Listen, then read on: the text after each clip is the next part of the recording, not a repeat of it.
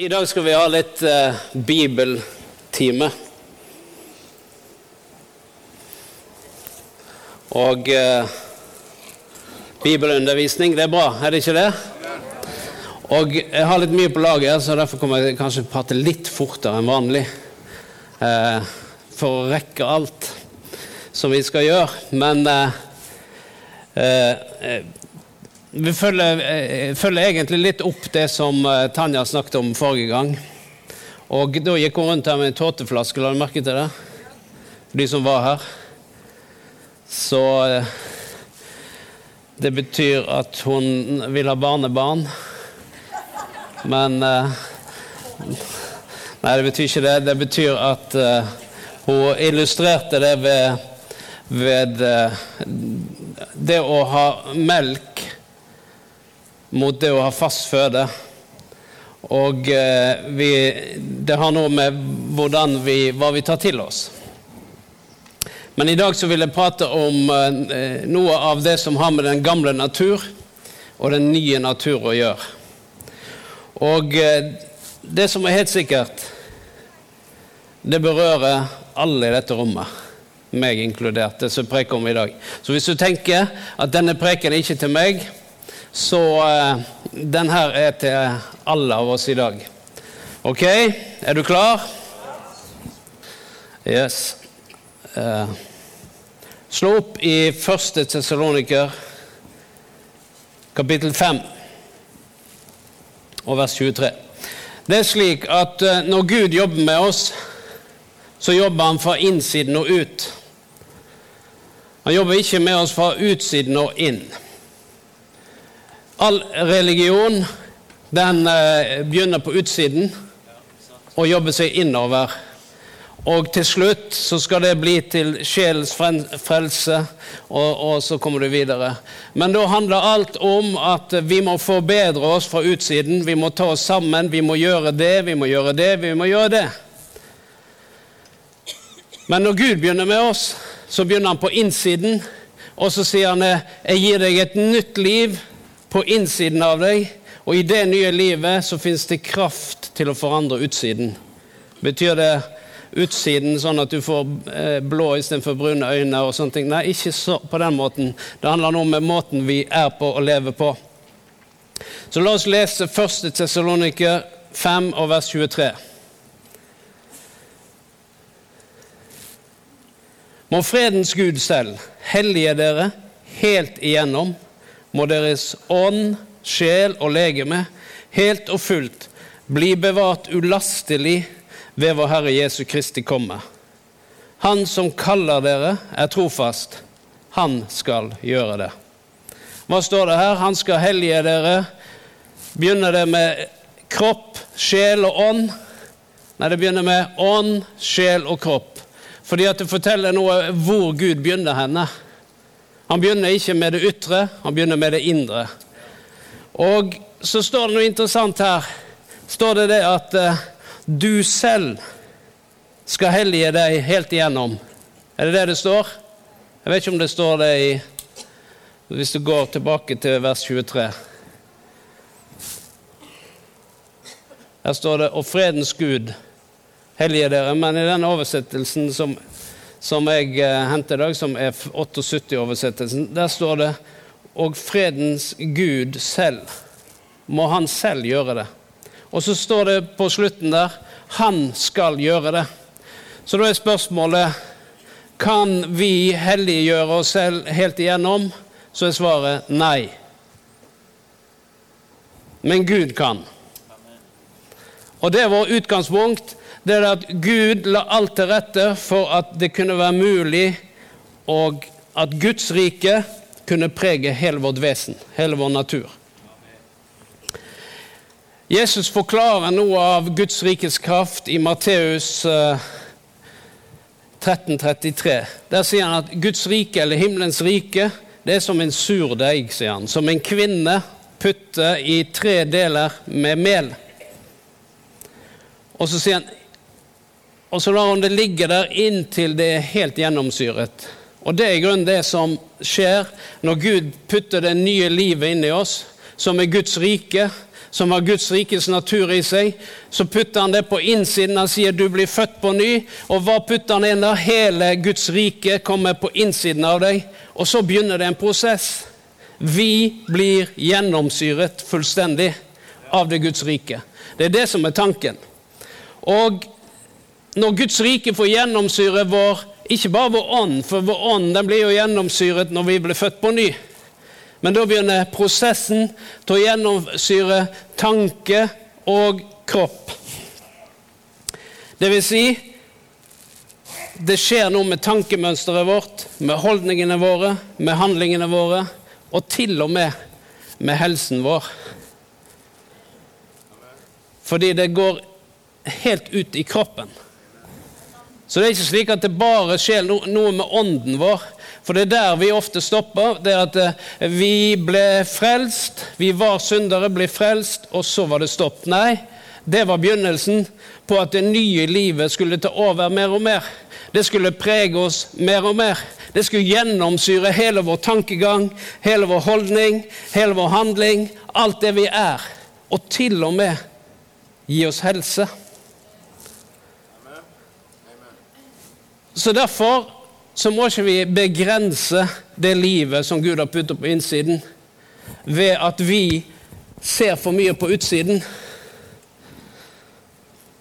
Ser for mye på det som skjer i våre liv. Men vi må heller jobbe med, sammen med Han som har puttet liv i oss. Eh, men midt i det, at vi har fått dette nye livet på innsiden, så opplever vi som troende konflikt gjennom det vi gjør, det vi tenker. Og eh, det kan være litt frustrerende. At du tenker Gud bor på innsiden av meg, men det som kommer ut av munnen min akkurat nå, det ligner ikke på Gud. Har du vært borti det?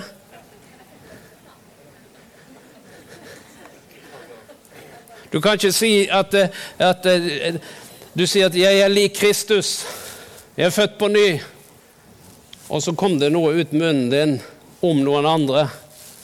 Ikke bare kom det ut av munnen din noe som du tenker 'det der ligner ikke på Gud', men du omtalte noen andre på en måte som Gud ikke omtaler noen andre. Og hva skjer da? Da kommer du i en indre konflikt. Fordi det livet du har på innsiden, gjenspeiler ikke det som skjer på utsiden. Og dette er noe av denne eh, brytningen som vi står i som troende. Og så er det slik at hvis vi da lar normene i samfunnet være det som setter standarden, så kan jeg garantere deg en ting, at Guds standard ikke er helt den samme.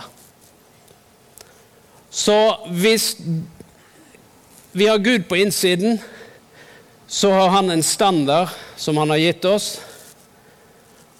Og så tenker vi vi skal lære Guds standard fra samfunnet rundt oss. Vi kan lære mye av samfunnet rundt oss. Men Guds standard kan ikke vi lære i samfunnet rundt oss. Den må vi lære hos Gud og det han sier i sitt ord. Og så skal, skal vi prege samfunnet rundt oss med det som han sier er sin standard. Så Derfor så lever vi òg i en konflikt med vår overbevisning i forhold til det som er rundt oss. Så på mange måter så er vi der i et lite spenningsfelt som eh, treffer oss hele tiden.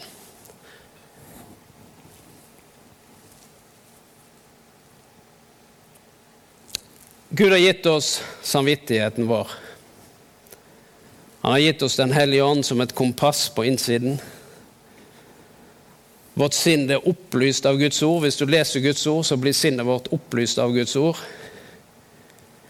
Og Derfor så vet vi gjennom samvittighet, Den hellige ånd og Guds ord, så vet vi når vi er i konflikt med våre indre verdier, som er Guds verdier. Vi vet det. det ikke, noen ganger så trenger vi hjelp til at noen forteller det til oss. Eh, fordi vi, vi, har litt sånne skygger som gjør at vi ikke vil se oss selv.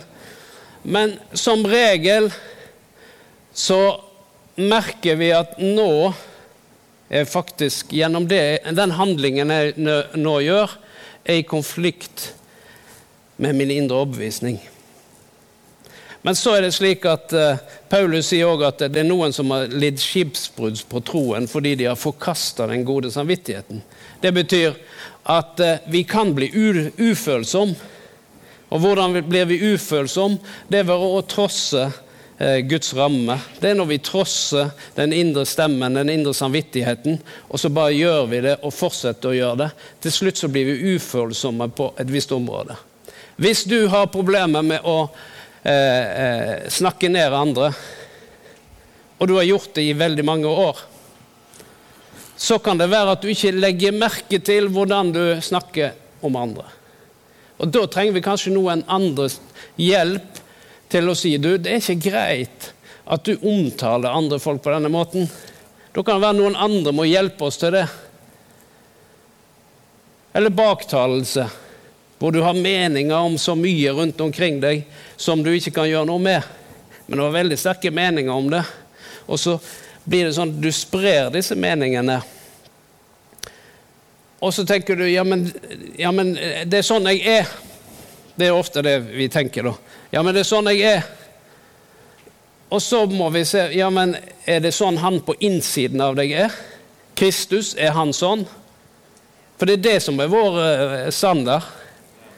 Ja, men alle andre holder på sånn. Jo, men da sammenligner vi med samfunnet. Og det er klart at eh, Hvis du leser Se og Hør mer enn Bibelen, så blir du preget av det som er i den boka som du leser. Det er bare sånn det er. Det vi fyller oss med, det preger oss. Det, det er naturlover, og det er også Guds lov. La oss se litt på den brytningen. Paulus skriver det i eh, Romerbrevet kapittel 7. Det er jo sånn at vi begynner som regel Romerbrevet 8, for det er så behagelig å begynne der. Men det er sånn at når Paulus skrev dette, så, så var det ikke sånn at han sier nå er jeg kommet til kapittel 8. Han skrev ett brev. Det begynte i begynnelsen, mens vi har delt det opp i kapittel og vers, fordi det er litt lettere å finne fram. Men Paulus skrev ikke kapittel og vers. Han skrev et brev. Og Vi begynner ofte midt i det brevet, i kapittel 8. Og så sier vi det er ingen fordømmelse for den som er i Kristus Jesus. Husker jeg hadde sånn bibelverstest på bibelskolen. Skulle svare rett på 20 bibelvers. Han ene han hadde ett vers riktig. Og det var det er ingen fordømmelse for den som er i Kristus Jesus. Så jeg eh, skulle rette den prøven. Jeg var veldig glad for at det var det verset han hadde rett. Så han hadde 19 feil og én rett.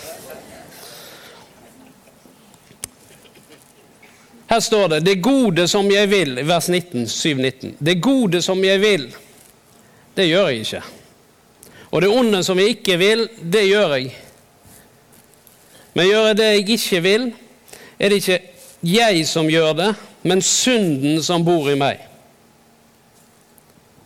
Jeg finner altså at denne lov gjelder for meg. Jeg vil gjøre det gode, men kan ikke annet enn å gjøre det onde. Mitt indre menneske sier med glede ja til Guds lov, men jeg merker en annen lov i mine lemmer.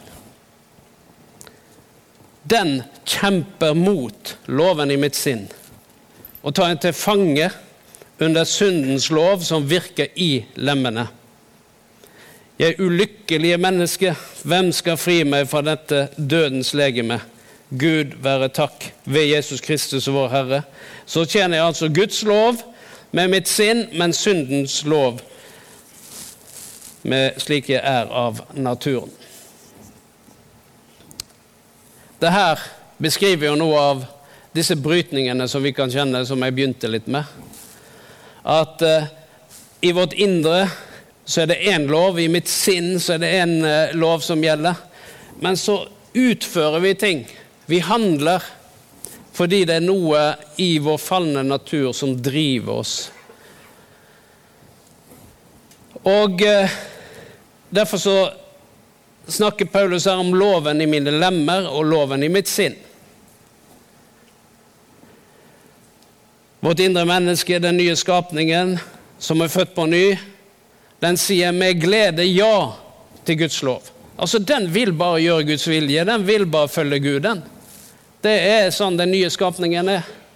Den har ingen tanke på noen ting annet enn å gjøre det som er godt. Og den sier ja til Guds sander. Uten problem. Det er ingen protest i ditt indre fra å Hvis du kjenner noen protest mot noen ting som du finner Guds ord, så er ikke ditt indre som protesterer. Da kommer den protesten fra noe annet. En annen plass ifra. Fra lemmene dine, fra den falne, syndige naturen. For den vil ikke underordne seg under Guds standard. Den vil leve uavhengig, fritt og gjøre som jeg vil. Den har en annen lov, det heter Kardemommeby. Det er den loven skal være god og snill, og ellers gjøre akkurat det som jeg vil. Det er det den loven heter. Det er loven i mine lemmer. Mens vi tenker å, dette er en koselig, fin historie, men den er i grunnen ikke det. Skal ødelegge hele Kardemomme by her. Det er godt eh, barnekirken ikke er her akkurat nå. Når han kom i Dyreparken, så sier ja, her er sabeltann, her er sånn, og så går vi forbi i Kardemommeby. sant? Jeg har vært der, jeg.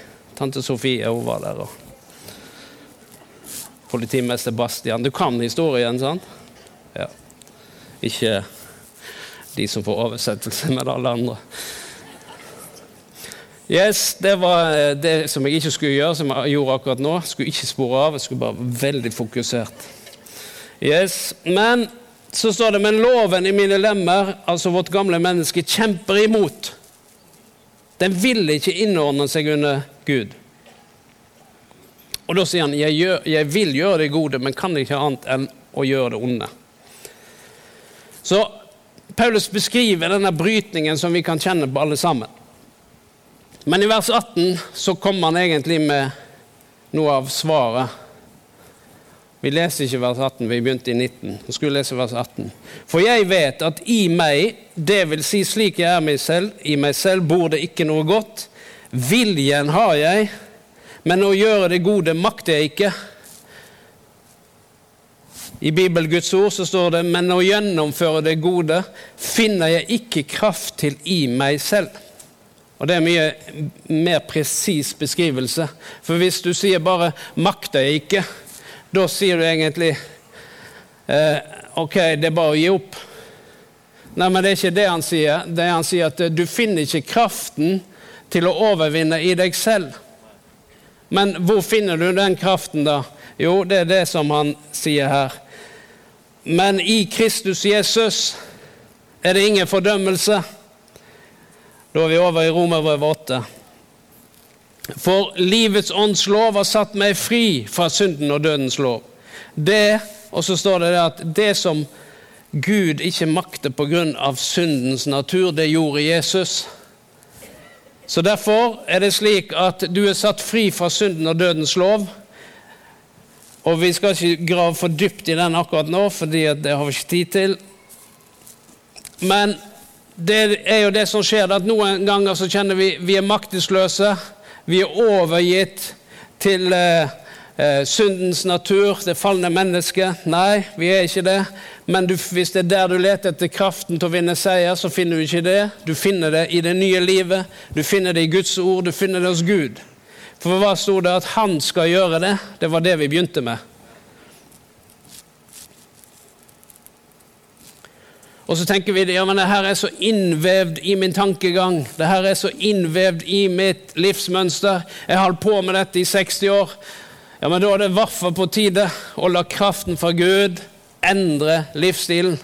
Ja, men det er helt umulig. Ja, men hvis det er helt umulig, så tilhører du en Gud som sier at for, det, for oss er ting umulig, men ikke for Gud. Så uansett om vi sier ja, men dette er umulig, så er det ikke umulig. Fordi det nye livet er kobla til Han som gjør det umulige mulig. Og Derfor fins det tilgjengelig kraft til å vinne seier. Går vi tilbake til Romerbrevet og kapittel 6, for der beskriver han hva som skjedde på korset. Vers 4. Vi ble altså begravet med ham, vi ble døpt med denne dåpen til døden for at vi skal leve det nye livet. For like som Kristus ble reist opp fra de døde ved Faderens veldige kraft, har vi vokst sammen med Kristus i en død som er lik hans, skal vi også være ett med ham i en oppstandelse som er lik hans. Vi vet at vårt gamle menneske ble korsfestet med ham, for at det legeme som er under synden, skulle gjøres til intet. Og der Bibelen Guds ord sier 'bli fratatt sin makt'. Og hva skjer så? For at vi ikke lenger skulle være slave under synden. Vers 11. På samme måte skal dere regne dere som døde for synden, men levende for Gud. Så det som vi leser der om denne brytningen i Romerbrevet 7, og at det er ingen fordømmelse for den som er i Kristus Jesus, for han har satt oss fri, så er det det at eh, dette gamle legemet ble fratatt sin makt. Så hvis det ble fratatt sin makt, så betyr det at eh, det er ikke lenger du som skal være slave under synden, men du skal være herre i eget liv.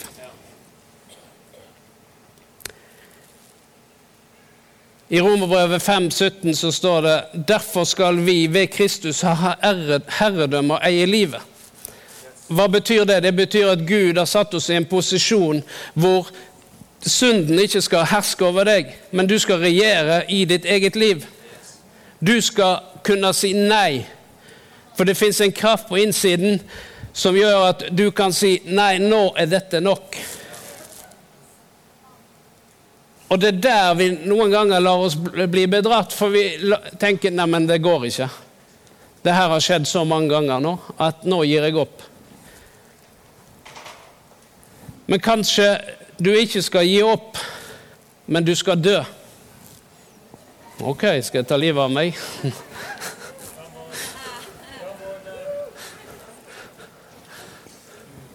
Det står jo her at du skal begrave dette livet, står det. Hvordan begraver du dette livet? Jo, det ene er at du fysisk begraver det i dåpen og ikke tar det med deg opp igjen. Men det andre er faktisk at du kan si at neimen, disse kreftene der har mista sin innflytelse. Hvordan er det med en lov? En lov har kun autoritet over en som lever.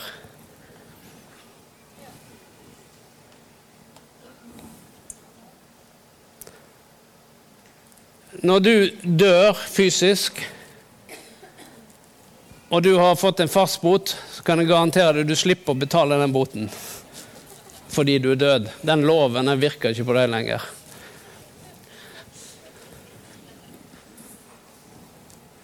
Men derfor så skal du begrave det gamle. Så hvis ikke du er døpt, dvs. Si med full neddynkelse, begravet med Kristus, oppreist til et nytt liv, så må du la deg døpe i vann. Ordentlig døpt, får vi si. Det vil si, dåp betyr neddynkelse. Det betyr at du blir dynket ned. Og Det er et symbol i dette at Jesus han ble begravet, og så ble han reist opp. Og På samme måte skal vi dø bort ifra synden, og så skal vi reises opp. Men det er en helt annen preken. Men la oss gå videre til Galaterbrevet. Jeg har et poeng som jeg skal prøve å klare å få inn her på slutten. Alt det her er bare litt sånn innledning, sånn at du klarer å følge meg når vi kommer dit vi skal. Galaterbrevet 5, 16-25. Jeg sier dere, lev et liv i ånden, da følger dere ikke begjæret i vår syndige natur. For vår onde natur står med sitt begjær ånden imot, og ånden står imot vår onde natur. De to ligger i strid med hverandre. Der kommer det samme igjen, som vi leste i sted om at eh, den, eh, eh, den kjemper imot det som fins i vårt indre. Denne loven i våre lemmer kjemper imot. Her står det at den onde natur den, de to ligger i strid med hverandre. Og Det er det som kan være noe av den brytninga vi kan kjenne av og til. Det er denne striden som foregår. Og så står det blir dere drevet av ånden, da er dere ikke under loven. Og så kommer det en liste her med at det er klart, sier han, hva som er den onde naturs gjerninger. Det er tydelig. Det er hor, det er umoral, det er utskeielser, avgudsdyrkelse, trolldom, fiendskap, strid, rivalisering, sinne, selvhevdelse, stridigheter, partier, misunnelse, full, festing og mer av samme slag, bare sånn for sikkerhets skyld. Så hvis det var noe du ikke fikk med der, så tenk ja, men det er ikke i mitt liv. Men det kan jo være at du har mer av samme slag, sånn i tilfelle. Hvis ikke akkurat det er på lista, liksom. Ok, huke av. Nei, men jeg driver ikke med hor. Ok. Ikke med full. Ok. Og så tenker du ja, men jeg er ganske nesten perfekt, jeg. Men så bare slenger han på den der, og mer av samme slag. Så det kan jo være at det er noe av samme slag som treffer. Men så står det noe om åndens natur her. Da står det at åndens frukt, altså det resultatet, det som ånden produserer, det er kjærlighet, glede, fred, overbærenhet, vennlighet, godhet, trofasthet, tålmodighet og selvbeherskelse. Det er jo en helt annen karakter og standard på åndens frukt enn en, eh, vår onde naturs gjerninger. Det er to forskjellige planeter vi opererer på. Og så, og så er det det at dette kan skje ut fra samme kropp, som er jeg og deg. Men det er jo slik at Frukt, det er et produkt av det treet som en er planta på. Og Johannes sier, I Johannes 15 så underviser Jesus om vintreet og grenene. Og så sier han at vi skal bære frukt. Men da, han, men da må du være kobla på vintreet. Det vil si, det er livet det nye livet med Jesus Kristus, den produserer en viss type frukt. Mens den onde natur, den skaper visse gjerninger. Og hvis du legger merke til, så bruker en to forskjellige uttrykk her. Det ene er frukt, det andre er gjerninger. Gjerningene det er de handlingene som ytre sett er synlige. Men når vi snakker om frukt, så er det et resultat av det livet som er på innsiden av oss, som begynner å gjennomsyre oss mer og mer, som gjør at handlingene våre, tankene våre, alt rundt oss begynner å endre på seg.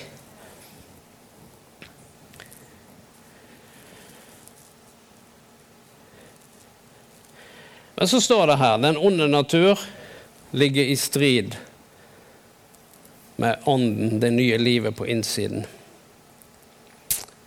Og eh, det er slik at den naturen som får mest plass, rom og næring, vil dominere oss. Sånn er det bare. Og eh, dersom den nye naturen skal være den som regjerer, så må Gud få tid og rom. Så det er en del sånne naturlover i dette her. Fordi at eh, hvis du tenker jeg får ikke seier over den gamle naturen, jeg gjør disse tingene stadig vekk, hva er løsningen på det? Jo, da må du la Gud få mer plass og rom i ditt liv. En uke består av 168 timer. Så det er litt sånn regnestykke òg, da. Hvis da den eneste tiden Gud får på en uke, er de to timene du sitter her Hvis det er ditt gudsliv, og så kjenner du, og så tenker du ja, jeg, så, jeg, holder på med så mye, jeg får sånn kamp, og, og eh, jeg faller igjen og igjen, og det er nederlag på nederlag. Ja, men av 168 timer så får Gud to av dem. Og så tenker du det, yes, jeg bygger meg sterk. Du kan jo bare prøve å gå på og jogge en gang i uka. Det hjelper litt, men du får ikke veldig god kondis. Og hvis det er noen andre skal jeg si, Hvis det da er noen andre som jogger for deg, dvs. Si det er predikanten som bare driver og jogger her, og du bare sitter der, så får du enda mindre kondis. Men det er noe med det altså når, når, vi er barn, sier Skriften, då, då, det er da vi får melk av en tåteflaske. Men når du er 40 år og går rundt med tåteflaske, så skjønner du det er noe som ikke stemmer her.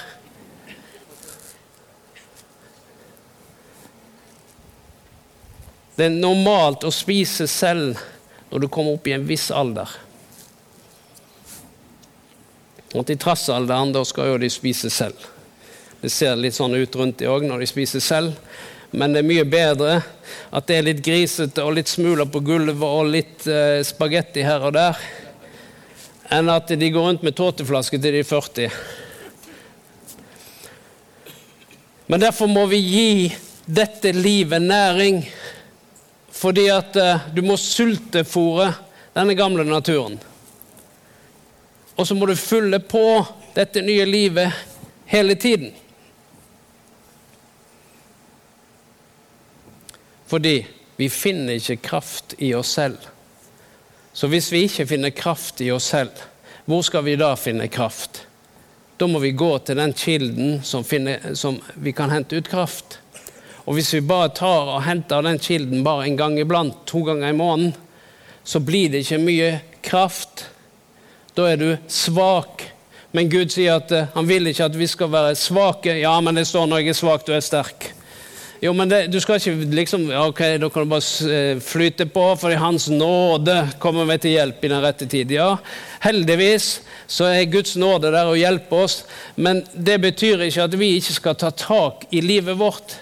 At ikke vi må gjøre noen prioriteringer. At ikke vi må spise selv, fylle på og kjenne vi bygger oss opp. Vi må gjøre det hele tiden. Men nå skal vi gå til Kolosserbrevet. Fordi spørsmålet er hva må vi gjøre? Det er det store spørsmålet. For én ting er bare å, å eh, Ja, vi må være mer sammen med Gud. og ja, Vi må ikke bare drikke melk, vi må fastføde. Men hvordan ser dette ut? Det må vi se på. Og Da begynner jo Paulus der i vers 5. La det jordiske i dere dø.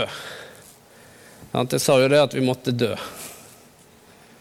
Og så kommer listen igjen. Hor, urenhet, lidenskap, ondt begjær, pengejag. Som ikke annet enn avgudsdyrkelse. Og så sier han videre.: Legg av alt slikt.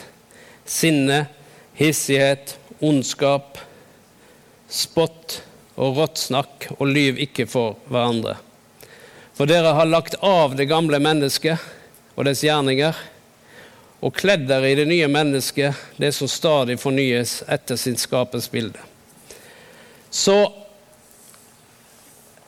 for det første så må vi ta tak i denne tanken. Det er ikke noe jeg kan gjøre med dette.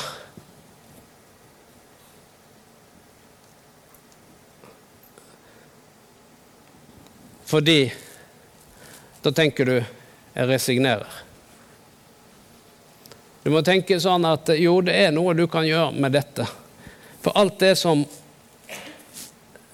står her, det er at det, du må la det jordiske i deg dø. Du må legge til side ting. Og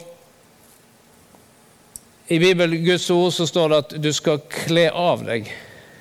Det å kle av seg noen ting det er faktisk noe som du bestemmer deg for. Betyr det at uh, du kommer til å, være fullkommen i alt dette? Nei, men det er en bevisst handling hvor du sier 'jeg lar Gud slippe til'. Så derfor kler du av deg denne gjerningene dine fullstendig. Du kler de av. Du legger de bort. Men du skal ikke bare kle av deg, det er derfor jeg har med den her. Det er fordi at du skal òg ikle deg det nye mennesket. Derfor er det noe du legger av, det er noe du legger til sides. Og du tenker, er det en følelse? Nei, det er en konkret handling. Det er noe du faktisk gjør. Du bestemmer deg for jeg legger av det gamle mennesket med dets gjerninger, og så lar jeg det nye livet prege meg enda mer. Så hvis du går til vers 12 så står det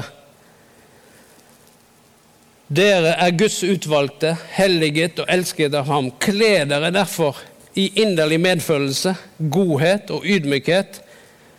Ta dere ikke selv til rette, men strekk dere langt så dere bærer over med hverandre, og tilgir hverandre hvis den ene har noe å bebreide den andre for. Som Herren har tilgitt dere, skal dere tilgi hverandre. Og over alt dette ikle dere kjærligheten, som er det bånd som binder sammen og fullender. La Kristi fred råde hjertene, for til det blir dere kalt. Vær takknemlig. La Kristi ord få rikelig plass. Så det lærer hverandre med salmer, hymner, åndelige eh, sanger og synger takknemlig av hjertet. Hva er det han sier her? Vi skal ikle oss dette nye livet. Hva er det vi ikler oss? Vi ikler oss medfølelse, kjærlighet, godhet. Vi lever et liv i tilgivelse og overbærenhet. Vi lar kjærligheten binde oss sammen og så lar vi Kristi fred råde. Og så skal vi være takknemlige, står det. Så du kan avkle deg utakknemlighet, og så kan du ikle deg takknemlighet.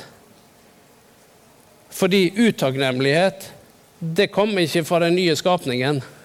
Det kommer fra kjøttet vårt, fra den falne natur. Den, er, den klager, den er utakknemlig, den er misfornøyd. Så hvis du går rundt og er utakknemlig og misfornøyd, så kan du bare tenke dette er ikke Kristus i meg, dette er en annen natur. Og det ser jo litt komisk ut når du har ikledd deg det nye, og så tar du på deg igjen det gamle hele tiden, stadig vekk. Fordi at eh, det er sånn at det er ikke bare du, men, men jeg har litt forventning til deg òg når du sier du er kristen. Naboen din òg har litt forventning til deg når du sier du er kristen. Men du går jo rundt sånn som det her. Det, det heter dobbeltmoral. Det vil si at, eh, som Jakob sier, på søndag så lovpriser vi Gud, og på mandag så forbanner vi de som er skapt i Guds bilde. Da er det liksom Ok, nå er det søndag, da tar vi av denne. Så nå er vi i gudstjenesten. Nå priser vi Gud. Halleluja, nå er vi salige. Gud er god. Og så er det mandag. Ok. Det var naboen der som ikke var så veldig grei. Så da bare ikler du deg til gamle mennesket, og så går du opp til naboen din, og så eh, bare, Du bare gir han inn, fordi det er akkurat det som passer seg. Kristne skal jo ikke ha blåmandag. Vi skal jo holde på med andre ting. Vi skal være fullt av Ånden. Og hvis vi er fullt av Ånden, da står det at da vil vi ikke utføre det som kjøttet vil, det som den falne naturen vil. For det fins en kraft på innsiden som trenger påfyll hele tiden. Fordi det er en relasjon. Det er ikke en plikt, det er en relasjon. Det handler ikke om søndag, det handler om Jesus Kristus. Det handler om et forhold til Han hele tiden. Det handler om at Han får fylle oss opp hele tiden.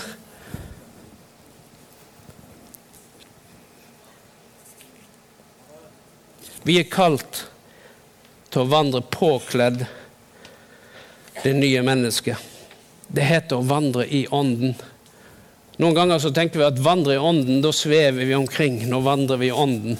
Da er du veldig heldig, du ser glorien der, og du, liksom vingene begynner å vokse ut på ryggen. Da, det, da vandrer du i ånden. Men det som heter å vandre i ånden, det er det vi leser om her. Det har noe med måten vi lever på. Det er å vandre i ånden. Vi tror at, eh, Og det står det er forskjell på åndens gaver og åndens frukt. Ja, no, noen ganger så løfter vi fram Å, han har nådegaven til å tyde, f.eks. Så løfter vi opp denne nåden. Men karen er jo en drittsekk. Ja, men Går det an, da? Ja, Det er det som er litt forvirrende. Det fins drittsekker, for å si det på bergensk, som opererer i nådens gaver. Hvorfor det? Fordi at det har ingenting med frukt å gjøre. Det har noe med en gave. En gave som du bare får opp i hendene. Det er ikke sikkert du håndterer den gaven på en god måte. fordi at du har et bedrøvelig liv.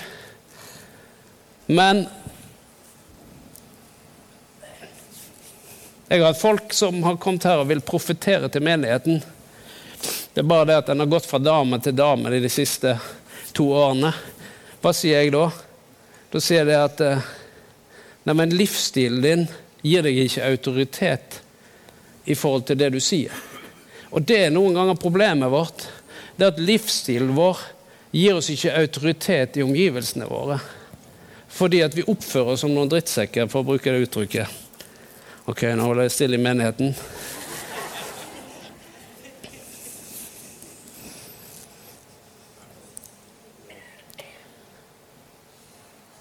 Men Gud vil at dette livet som er på innsiden, det skal få flyte ut. Og så er det sånn at du må aldri gi opp. Det fins en vei til å komme videre. Det fins en vei til å leve i dette livet. Og Det betyr at vi må fylle på. Men så må du òg si, sette disse grensene for deg sjøl og si at nei, men jeg avkler meg utakknemlighet. For det er faktisk en handling. Fordi når du tar en beslutning, så kommer Gud med sin kraft og gir deg hjelp til å la denne utakknemligheten bli liggende der. Og hver gang du er på vei til å ta den på igjen, så kommer Den hellige ånd til å si Hadde ikke du lagt fra deg denne utakknemligheten? Jo, jeg hadde visst det. Så da står du på et valg. Skal jeg ta den på igjen, eller skal jeg la den ligge? Er det så lett? Ja, men du, du, du har fått kraft til å la den ligge. Men du kan ta den på igjen. Ja, men er det, ikke, er det ikke Gud, da? Nei, det er du som velger det, faktisk. For Gud bestemmer ikke, du har fått den frie viljen. Så Gud sier ikke til deg at uh, Han bare sier 'vær takknemlig', han. Ok?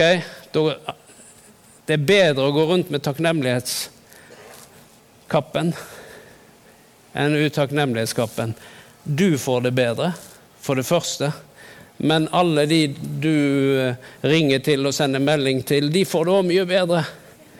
Og du får flere venner fordi at eh, utakknemlige folk de blir som regel venner med andre utakknemlige folk. Og så sitter en der i en gruppe utakknemlighet, så ser en gruppen takknemlighet der borte. Og da begynner gruppen utakknemlighet å bli misunnelig, for egentlig vil de ha det livet. Ja, men da må du legge av deg noen ting. Nå bruker jeg bare det som et eksempel. Et snilt eksempel. sant? Kunne snakket om andre ting, men nå gjør jeg ikke det. Du kan sette ditt eget navn på hva du må legge bort. Det kan du sette navn på sjøl. Hva må du legge bort? Jeg vet ikke. Nå brukte jeg bare utakknemlighet som eksempel. Men det du kan gjøre, det kan si at jeg vil ikke la disse tingene få makt i mitt liv. For det har ingen makt. Det har mista sin makt. Makten er brutt. Syndens makt er brutt. Derfor så fins det et liv på innsiden, og det er et seirende liv, det er et kraftfullt liv som gjør at du faktisk kan leve dette nye livet. Det er jo ikke sånn at Gud har bedt om oss om å leve et liv som er umulig å leve. Han har faktisk gitt oss alt som tjener til liv og til gudsfrukt. Han har gitt oss alt som skal til for at vi kan leve det livet han har sagt vi kan leve. Uten så er jo Gud urettferdig. Hvis han sier det Og det var jo det som skjedde med loven. Han satte opp standarden der. Og så sa han slik skal du leve. Men det, ingen, ingen kraft til å leve det livet. Men det var fordi han skulle synliggjøre hva synden var. Og så sier han, men nå bryter jeg syndens makt. Du er ikke lenger under loven, du er under nåden. Og dette livet som jeg har gitt deg, det har kraft til å vinne seier over synden. Så gi ikke opp. Gi aldri opp. Tenk ikke at du er et umulig tilfelle. Tenk ikke at dette går aldri bra, du kommer aldri til å få seier på dette området. Det er en løgn ifra løgneren, som er djevelen. Han prøver å fortelle deg det. Ja, men dette makter du ikke, dette går ikke, dette er for de andre, det er ikke for deg. Han sier det hele tiden. Jo, det er for deg. Du kan legge det bort, og du kan ikle deg takknemlighet, og du kan få et bedre liv. Vi er kalt til å løpe et løp sammen med Han som har vunnet evig seier, Jesus Kristus. Og så skal vi være med å påvirke rundt oss med dette nye livet. Så vi takker deg, Herre, for du har gitt oss alt som tjener til liv og Guds frukt. Vi takker deg, Herre, fordi dette nye livet på innsiden av oss, det har denne egenskapen til å gjennomsyre hele oss, Herre.